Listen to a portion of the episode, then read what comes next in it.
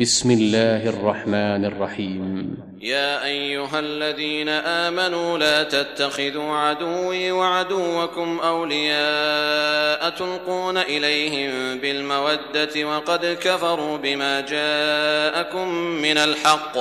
يخرجون الرسول وإياكم أن تؤمنوا بالله ربكم إن كنتم خرجتم جهادا في سبيلي. إن كنتم خرجتم جهادا في سبيلي وابتغاء مرضاتي تسرون إليهم بالمودة وأنا أعلم بما أخفيتم وما أعلنتم ومن يفعله منكم فقد ضل سواء السبيل إن يثقفوكم يكونوا لكم أعداء ويبسطوا إليكم أيديهم وألسنتهم بالسوء وودوا لو تكفرون. لن تنفعكم أرحامكم ولا أولادكم يوم القيامة يفصل بينكم والله بما تعملون بصير.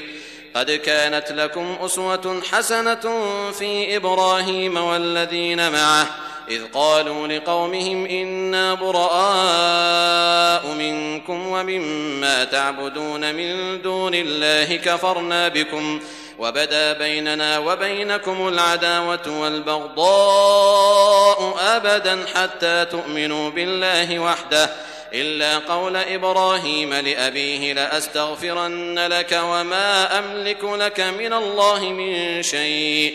ربنا عليك توكلنا وإليك أنبنا وإليك المصير. ربنا لا تجعلنا فتنة للذين كفروا واغفر لنا ربنا إنك أنت العزيز الحكيم. لقد كان لكم فيهم أسوة حسنة لمن كان يرجو الله واليوم الآخر ومن يتول فإن الله هو الغني الحميد. عسى الله أن يجعل بينكم وبين الذين عاديتم منهم مودة. والله قدير والله غفور رحيم.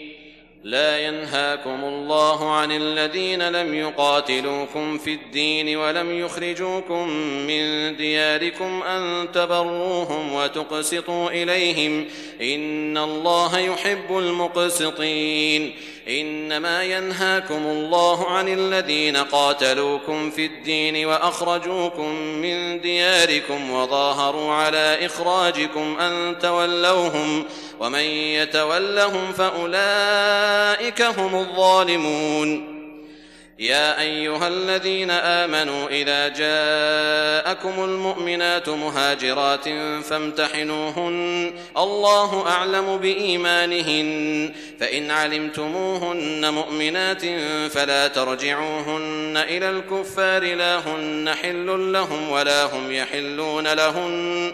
وآتوهم ما أنفقوا ولا جناح عليكم أن تنكحوهن إذا آتيتموهن أجورهن ولا تمسكوا بعصم الكوافر واسألوا ما أنفقتم وليسألوا ما أنفقوا ذلكم حكم الله يحكم بينكم والله عليم حكيم وإن فاتكم شيء من أزواجكم إلى الكفار فعاقبتم فآتوا الذين ذهبت أزواجهم مثل ما أنفقوا واتقوا الله الذي أنتم به مؤمنون.